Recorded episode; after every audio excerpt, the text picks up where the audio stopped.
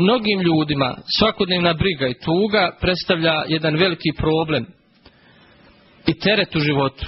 I svi nastoje da se oslobode brige, ali u tome slabo uspijevaju. Kada govorimo o tim brigama, o tegobama, moramo napomenuti da ovo vrijeme u kojem mi živimo zasigurno prepoznatljivo po tome. Znači, nedaće, nevolje, brige su jedna nerazdvojna karakteristika ovog vremena u kojem mi živimo. Svi se pitaju, svi razmišljaju o tome kako da se oslobode briga, kako da ih prevaziđu na što bezbolniji način. Nema sumnje da je najbolji način da se čovjek oslobodi brige i tuge i da ih prevaziđe jaka i čvrsta vjera. Mnogi će kazati, je li moguće da je u vjeri rješenje za sve naše probleme u Dunjaluške?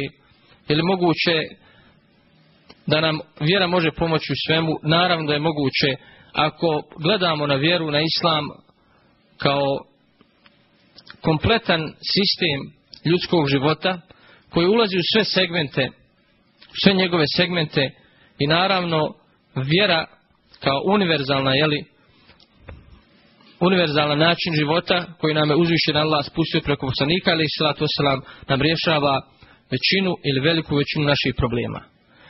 Zato statistički podaci pokazuju, recimo, da su simptomi mentalnih oboljenja kod osoba koje se dosljedno pridržavaju vjere i slabije izraženi nego kod osoba kod kojih nema vjere ili koji se, koji se vrlo rijetko pridržavaju vjere.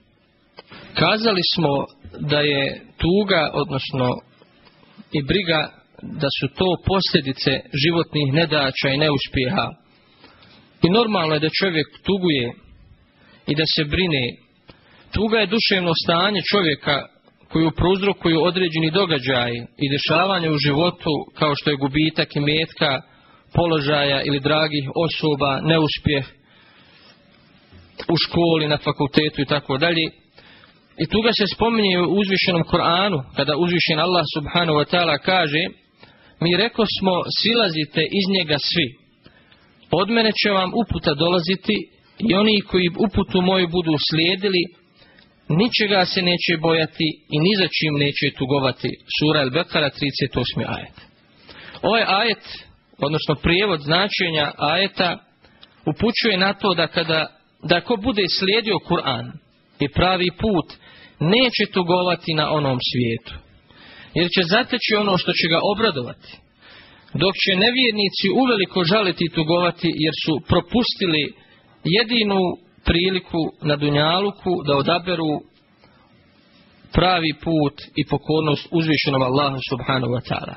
Znači tuga je normalna pojava kod svakog čovjeka kada na ovom svijetu doživi određene poteškoće, neugodnosti, nedaće i neuspjehe. I najodobraniji Allahovi robovi, poslanici, alaihim salatu wasalam, su tugovali.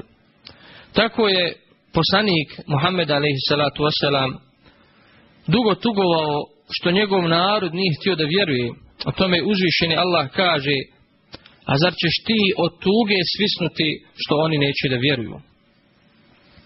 A Ikrime o, o tugi kaže, svako se raduje i tuguje, ali učinite radost zahvalom, a tugu strpljenjem.